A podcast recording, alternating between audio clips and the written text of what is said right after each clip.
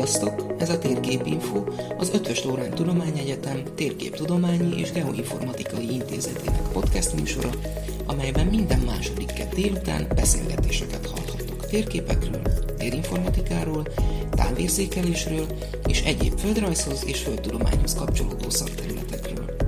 Beszélgető társaink egyetemi oktatók, hallgatók és a szakterületek egyéb képviselői lesznek.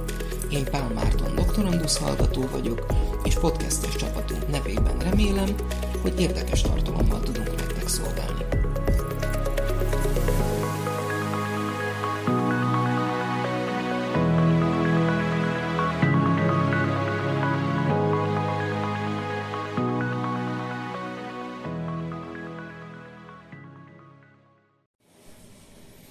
Köszöntjük a hallgatókat! Mostani adásunk vendége Jesus Reyes egyetemi docens, a Térképtudományi és Geoinformatikai Intézet docense, és egyben az informatikai kar dékán helyettese.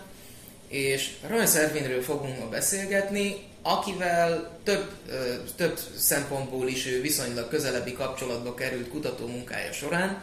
Legelső kérdésem az lenne felét, hogy ki volt ez a Rajszervin, mert azért úgy gondolom, hogy a hallgatók nagy része, ha találkozott is a nevével tankönyvekben, annyira ezzel nincsen tisztában. Jó, én is köszöntöm a hallgatosságot. Igen, Rajszervin az talán a 20. században a legismertebb, vagy az egyik legismertebb magyar származású térképész volt. Jóra tudni kell, hogy eh, egyetemi tanulmányait itt végezte a Műszaki Egyetem erődjén, és eh, miután elvégezte a tanulmányokat 1921-ben, kivándorolt az Egyesült Államokba. Ott New Yorkban telepedett le, eh, akkor kezdett dolgozni egy amerikai térképészeti vállalatnál, és ugyanakkor kezdett tanítani a Columbia Egyetemen 1931-ben átment a Harvard Egyetembe. Olyan kutatásokat végzett, amelyek felkeltették a Harvard Egyetemen levő földrajzosoknak a figyelmét, és oda hívták őt, hogy ott tovább eh, kutasson. Több szempontból kapcsolódik hozzám a személyisége, főleg amiatt is, mert eh, gyakorlatilag hosszú időn keresztül én is úgy tekintettem Rice felé, mint egy híres magyar térképész, aki egy dombolszat ábrázolási módszerűvel foglalkozott, de valójában sokáig, nagyon sokáig azt lehet mondani, nem tudtam, hogy mégis nagyon-nagyon szoros kapcsolatban állt az én szülő Hasanmal Kubával. Számomra meglepetés volt, amikor megtudtam. És itt van egy olyan varázs szám, amit kis jegyzetpontokban adtál nekem, az a 26, 26 évet kellett várni, illetve 26 évet késett egy bizonyos válasz rajszal kapcsolatban. Mit kell erről tudni? Hogy amikor 1986-ban végeztem itt a Szelting a térképész tanulmányaimat, és akkor visszamentem Kubába, és Havannában kezdtem dolgozni az ottani térképészeti intézetben amikor kezdtem dolgozni, az volt a szokás, hogy köbbe vittek bennünket a szintiszedből. Na, és az egyik hely, amit mellátogattunk, az természetesen a könyvtárt és a térképtár volt. A térképtárban elő volt készítve, különböző térképek voltak ott a szasztárokon, mutatták ez az, minden, akik mit csináltak az utóbbi, az 1986-ban volt, az utóbbi 30 évben. Ez ott, az intézet. Ezek gyakorlatilag azt mutatták meg, amit 1959 és 1986 között uh-huh. készült ott az intézetben. Fiatal voltam, és akkor föltettem egy nagyon általános kérdés. Nincs semmiféle olyan térkép vagy játrasz, ami 1950 előtt készült. Föltettem a kérdést, akkor a könyvtárot csak rám nézett, és eh, az válaszolta szó szerint, hát igen, 1959 eh, előtt készült egy járász, de valójában, ha összehasonlítjuk a, az 1964 után készített atlaszokkal, nem érdemes beszélni mhm. róla. Hát elfogadtam a választ, nem, nem mentem bele, nem is kértem, hogy akarom nézni azt az atlaszt. Teljesen megfelelkeztem róla. Utána pedig 2002-ben itt Budapesten a Szechenyi Könyvtár térképtárában szerveztek egy kiállítást a Finnenseti Játrasz századik évfordulója uh-huh. alkalmából. És abban a kiállításban volt egy nagy virágtérkép, hogy melyik ország, melyik időintervallumban készítette a Szerzső Nemzeti Atlaszat. És Kuba 1940 és 1950 között szerepelt a, a világtérképen. Hát, és erről nem volt szó. Meglepődtem nagyon, mert nekem, én azt tudtam, engem azt tanítottak az iskolában, meg itt, a, vagy ott az intézetben, azt láttam mindig, hogy a Szerzső Nemzeti Játrasz 1969-ben készült, mégpedig a szakori Szovjetunió köz, közreműködésével. Oda mentem a kiállítás szervezőjéhez, és azt is kérdeztem tőle, hogy biztos, hogy jó az a térkép. és akkor mondta, szerintem jó. És akkor elővette a laptopját, keresett egy jegyszek táblázatot, és mutatta. Igen, 1949-ben jelent meg a, a Szerzső Nemzeti Játrasz egyszerűen nem tudtam mit mondani, hát másnap eljöttem a tanszékre, bekapcsolódtam a webhez, és kezdtem keresni. És a szelső találatok között ott volt, hogy tényleg van egy Atlas de Cuba, uh-huh. Cuba Atlasa, ami 1949-ben készült, és egy teljesen ismeretlen kubai földrajz kutató eh, szerkesztette, Geraldo Canet volt a neve, és mellette pedig a térképszerkesztő Reiselvin volt. És onnantól kezdve kezdtem igazából nézni, hogy na, hogy ez hogyan történhetett, hogy először is, hogy Reiselvin kapcsolatba került a kúbai földrajzal, a kúbai térképészettel, és hogy készítette egy játrasz, amiről semmit nem tudtam. De előtte nem is tudtál arról, hogy semmi, esetleg rajz sem volt kapcsolatban? Semmi, semmi, semmi. Magyarországon senki nem foglalkozott vele, mert ez volt egy különlegesség tulajdonképp. Mm-hmm. És akkor kezdtem kutatni, kutatni, és kiderült, hogy amikor ő kivándorolt az Egyesült Államokba, és Kolumbiában kezdett tanulni, éppen akkor egy kubai földrajz oktató és kutató, és ott tanul mm-hmm. a mesterszakon a kubai földrajzkutató neve Salvador Masit volt, és már akkoriban ő ismert volt az országon belül, és borálságot kötött Reiselvingnel, és olyan irányban fejlődött ez a borálság, hogy például 1928-ban szó szerint Reiselving elkísérte őt és feleségét, aki szintén földrajzos volt, Kubaba. Uh-huh. És együtt utaztak tettek kirándulásokat az országban, de avval az elképzelése, hogy Reiselvin készít egy nagyobb méretorányú Kuba térképet a fiziografikus módszerrel. A méretoránya az közel egy a két millió. Uh-huh. Szóval elég nagy térkép volt, közel, hát egy jó egy méter hosszú volt az a térkép, illetve és elkészítette a térképet, amit 1929-ben jelent meg. Uh-huh. Ez volt az első fiziografikus térkép, amit ők hivatalosan készített.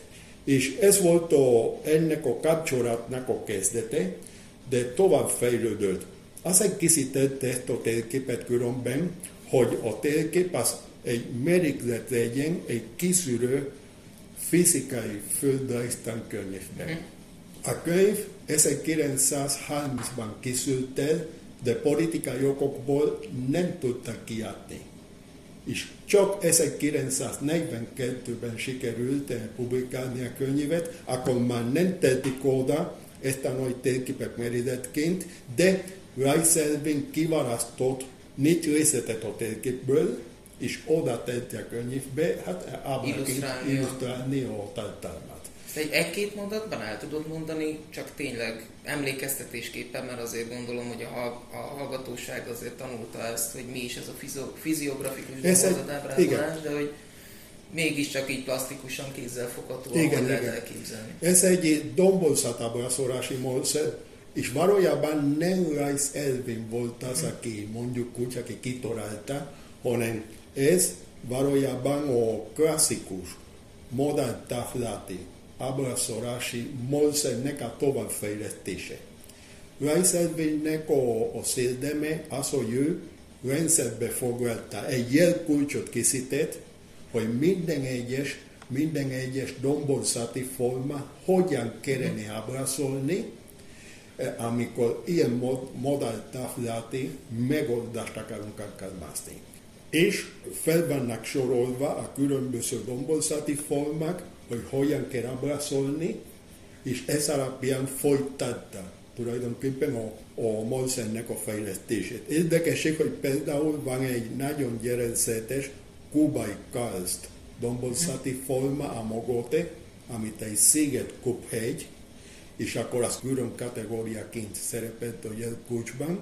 De ahogy mondtam, ez a, ez a térkép és ez a tankönyv volt egy nagyon-nagyon érdekes kapcsolatnak a, a mert azután is Rice kapcsolatban maradt a kubai földrajzzal.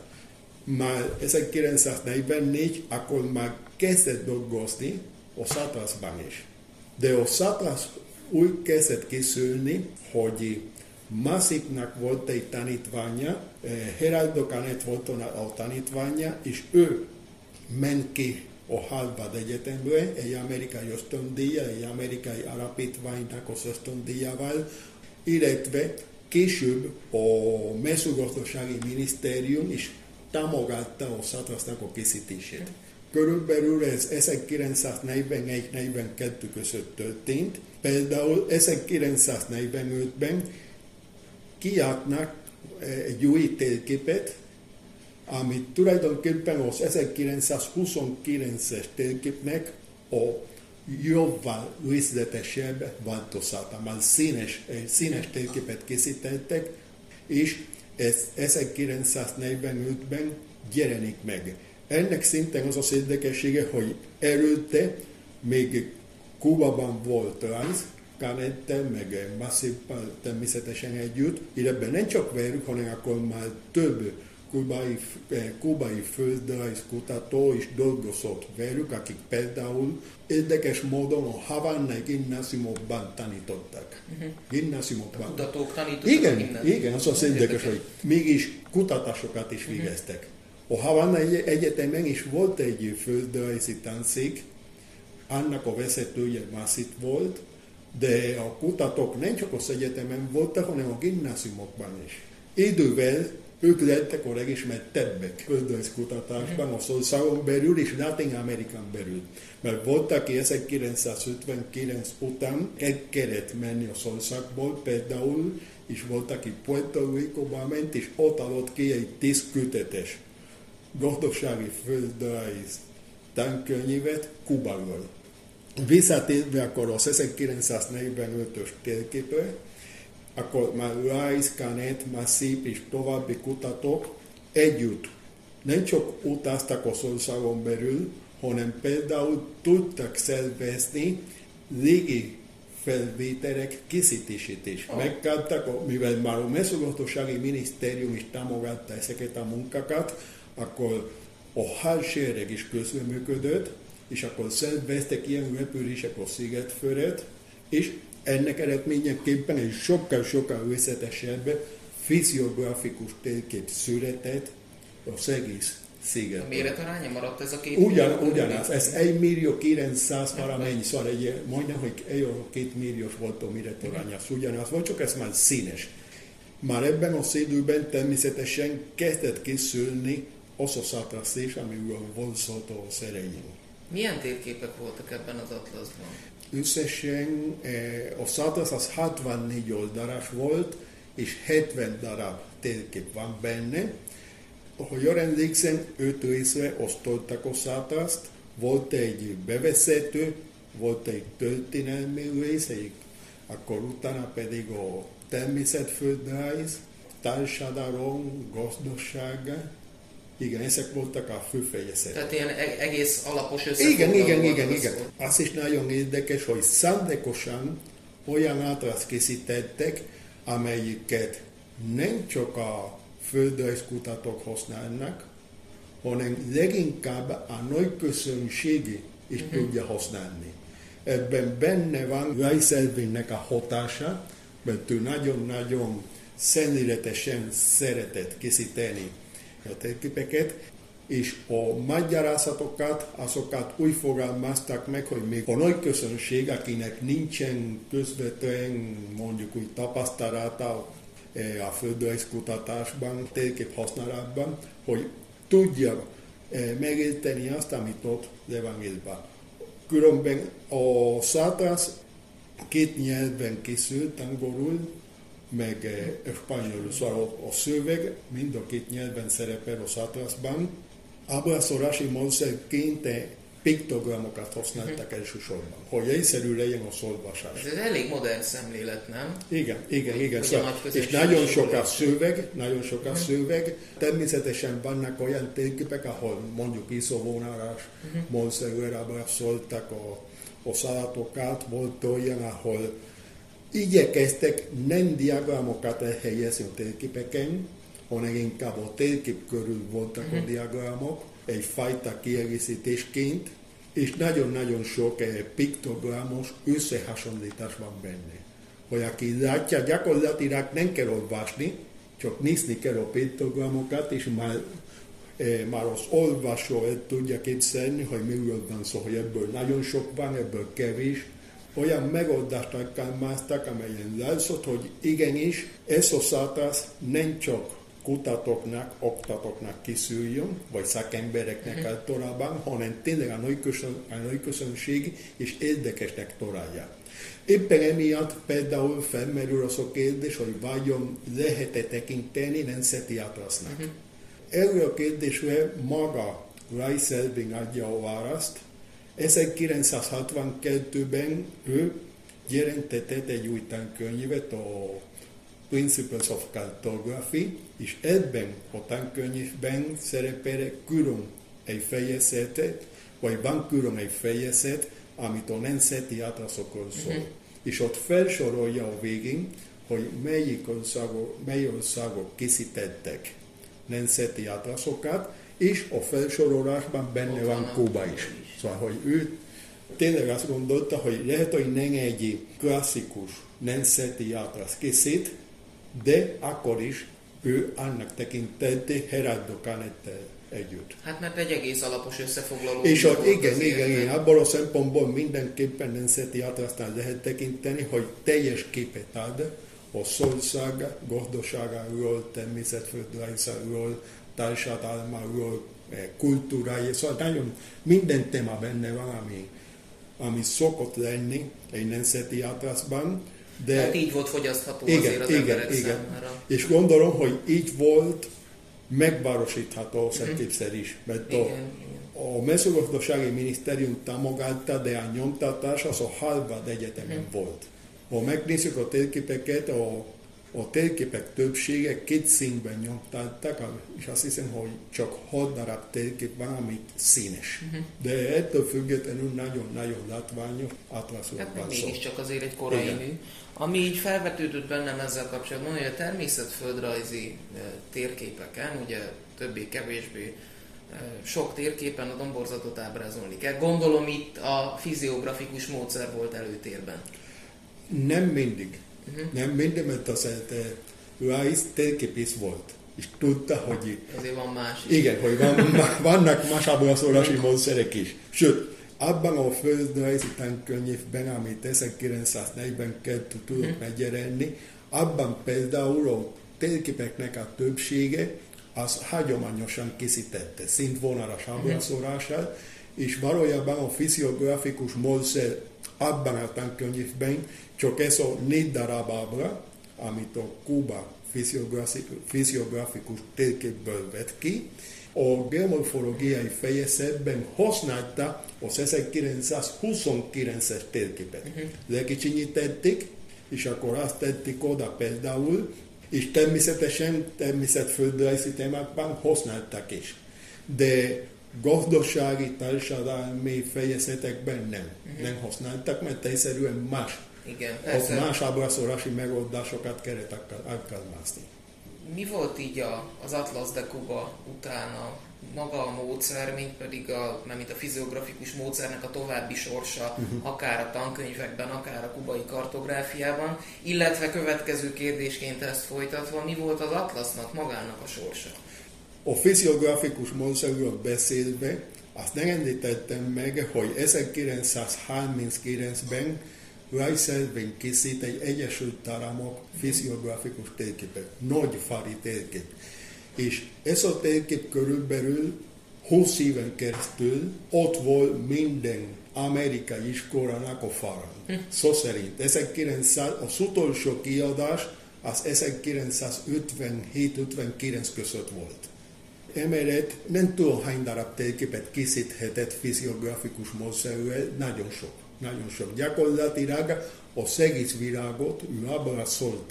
fiziografikus módszerűvel, sőt, 1944-ben kiadott egy atlaszt.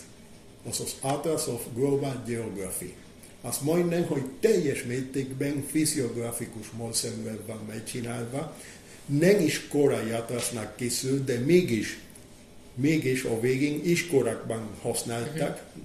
Weisselvin nem csak a fiziografikus módszert használta, hanem újabb megoldásokkal kísérletezett is. Például eh, talán nem sokan tudja, hogy ő érdeklődött a torzított kartogramok iránt. Volt az egyik legelsőbb térképész, aki torzított kartogramokkal is foglalkozott, és aki geometriai torzított kartogramokat mhm. készített.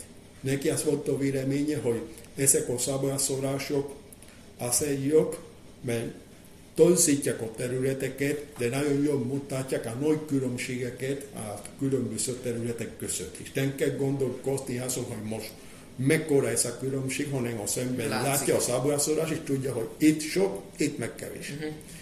A fiziografikus módszer utána tovább fejlesztették, e, például itt Európában, Németországban 60-as, 70-es években megjelentek olyan iskolai átaszok is, amely, amelyben alkalmaztak a, a módszer, sőt, az Amerikai Egyesült Államok e, földtani szolgálata jelenleg is készít természetföldrajzi térképeket az Egyesült Államokról, ez amely, igen, a Molset továbbfejlesztett változata. Már számítógépen is készítenek ilyen, ilyen térképeket. Szóval a fiziografikus Molset tovább élt, uh-huh. Kuba atlaszáról nem lehet ugyanazt mondani, azt a szalatot sehol nem sikerül megtalálni, hogy hány példányban nyomtattak ki. Például én azt tudom, hogy jelenleg Kuba országos könyvtárában jelenleg csak három példány van. Hát ez nem sok. Három példány abból az atlaszból. Uh-huh. És természetesen nem, mindegy, nem természetesen, mert ez nem természetes, de nem láthatják. Csak, a, csak kutatók. Nem, mi, nem. Volt, mi volt annak az oka, hogy vagy mi annak az oka, hogy ez az atlasz ennyire nehezen hozzáférhető. Gondolom valami, meg hogy azért a 20. század második felében még ennyire sem lehetett hozzáférni, uh-huh. gondolom, mint amennyire Igen, most. igen. A történet ott kezdődik, hogy már a első kiadás, azt nem tudom pontosan, hogy hány példányból áll, de valószínűleg nem volt túl sok. Uh-huh.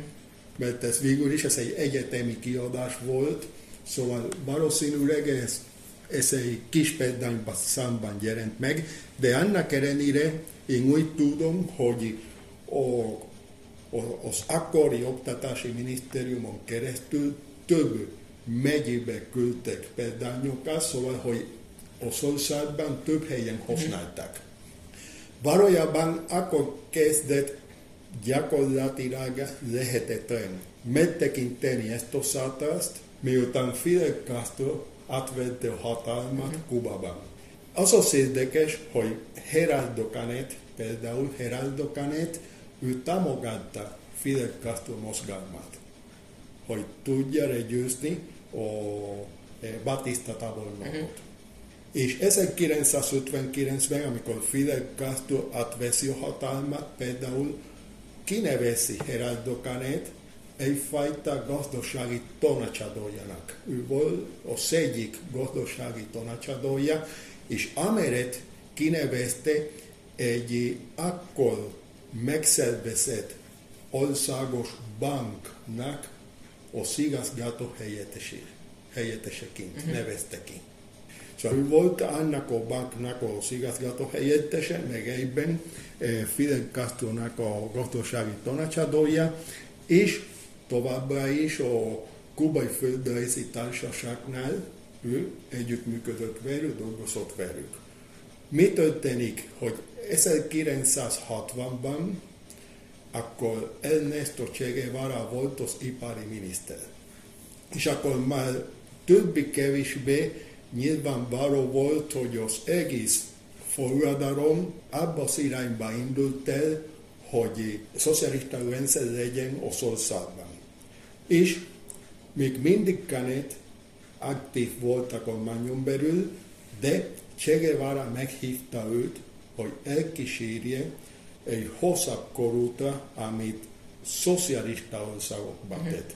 És erre Canet nemet mondott. Mondta, hogy nem. Nem osztja azt a véleményt, hogy a szocializmus lenne a megoldás a szország problémáira, úgyhogy ő nem kíséri el a szocialista országokba. Később emiatt az egyik barátja a minisztériumból szó szerint azt mondta neki, hogy fekete listára került. Uh-huh. Évekkel később, amikor az ő felesége, aki szintén ő a felesége biológus volt, eh, biológiai kutatásokat végzett, és miután a felesége meghalt Miami-ban, akkor a egyik kollégája élt egy itt egy rövid összefoglaló a születéről, és ezeket szó szerint említi benne, és mivel Canet és a szűcsorádja fekete listára került 1960-ban, úgy döntötték, hogy elmennek a szországból, és az Egyesült Államokba utaznak. Ezt úgy csináltak különben, hogy először 1961 elején eh, a két gyereket elküldték a Miami-ban élő családjukhoz, és utána egyik nap egyszerűen szó szerint úgy említik, hogy felkeltek, öltözködtek, egy kis bőröndöt vették a kezükbe, kimentek a Havana repülőtérre, és a, és a következő Miami járátra vettek egy repülőjegyet, uh-huh. és mhm. úgy mentek el, és szó szerint úgy hagyta el a pillanatról a másikra. Talán nem egyik pillanatról a másikra, de szándékosan, szándékosan uh-huh. nem vette erről a repülőjegyet. Nehogy, róla. Nehogy, igen, nehogy legyen gyanú, hogy el akarja hajni a szországot, hanem szó szerint úgy ment, és a következő járat, amit egy óra, két óra, két órával később indult, arra vette a repülőjegyet, és elutazott a feleségével. Ezután pedig szó szerint a szűnelvét letörölték a mondjuk, hogy a földrajzkutatók listájából, a hivatalos listájából, és ennek megfelelően minden munkáját elszálltak a, kutata, a kutatók elől. Uh-huh. Ezek közül pedig a szátasz szinten emiatt ismeretlenni vált. Szó szerint egy nem létező művi vált, mert szóval az iskolában, hát soha az életben nem említették a nevét. Gyakorlatilag én biztos vagyok benne, hogy az 1960 után született nemzedékek nem ismerik ezt a munkát. A Havannában levő országos könyvtárban ott jelenleg három példány van, és az a három példány pedig nagyon-nagyon korlátozott mértékben lehet használni. Nagyon különleges engedély kell ahhoz, hogy valaki tudja kezébe venni a szátászt, amikor mondom, hogy nagyon különleges, azt jelenti, hogy a nagy közönség részére lehetetlen, és a kutatók részére csak nagyon-nagyon-nagyon egyedi esetekben megengedélyezik azt, hogy négy ember, négy ember ebbe a szatrászba. Sajnos szó szerint letörölték őt, és Rice-t is letörölték közvetett módon a kubai földrajz eh, történetében letörölték őket. Azért, amiért kapcsolatban volt? Amiért főleg az ember Canet ott hagyta az országot. Uh-huh. Mert ő nem értette egyet a kommunista rendszerrel. Amiatt tulajdonképpen Reiselvin munkássága is semmi lett. Azt még meg kell említeni, hogy Reiselvin még 1959 márciusában tette egy utolsó látogatás Kubában, Havannában volt, akkor Canet volt a a mezőgazdasági fejlesztési bank igazgató helyettese, és a Kubai Földrajzi Társaság annak a banknak a székhelyén szervezett egy különülést, és ott vette át Reiselving és Heraldo Canet az aranyélmet, a társaság aranyélmet, amit még 1950-ben adtak nekik, az Atlas készítése után. És akkor Canet és Rice vette át ezt az aranyélmet 1959-ben.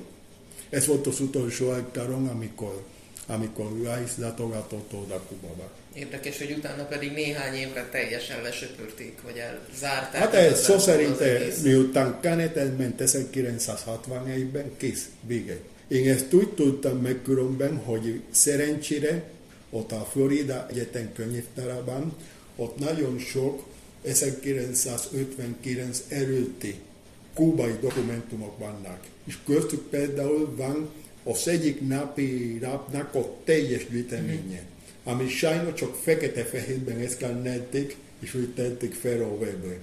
És megtaláltam az 1959-ben kiadott egyik számában, találtam fényképeket, hogy Rice és Canet veszik át ezt a, ezt a kitüntetést. De sok szempontból is érdekes beszélgetés volt. Egyrészt egy nagyon érdekes történeti vetületet adott a, a, az akkori Kubának, Igen. illetve térképészeti szempontból is szerintem egy nagyon tanulságos és érdekes beszélgetés volt.